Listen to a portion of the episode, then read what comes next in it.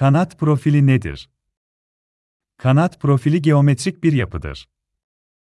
Kanadın monolib üzerindeki şekilde gösterilen, dik düzlem ile kesişmesi ile elde edilen kesit şekline kanat profili denir. Kanat profili esas olarak aşağıdaki yapılardan oluşur.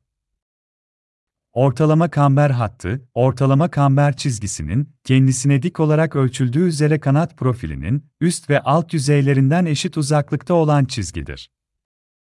Veter hattı, ön kenar ve arka kenarı birbirine bağlayan düz çizgidir. Veterce, veter hattı boyunca ölçülen ön kenardan arka kenara kadar olan mesafe, veterce olarak adlandırılır.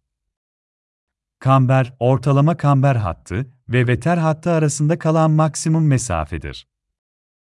Ön kenar, ortalama kamber hattının en ön noktasına verilen isimdir. Arka kenar, ortalama kamber hattının en arka noktasına verilen isimdir. Kalınlık, bir kanat profilinin kalınlığıdır. Veter hattı boyunca değişiklik gösterebilir. Daha fazla bilgiye erişebilmek için Monolib'i ziyaret edebilirsiniz.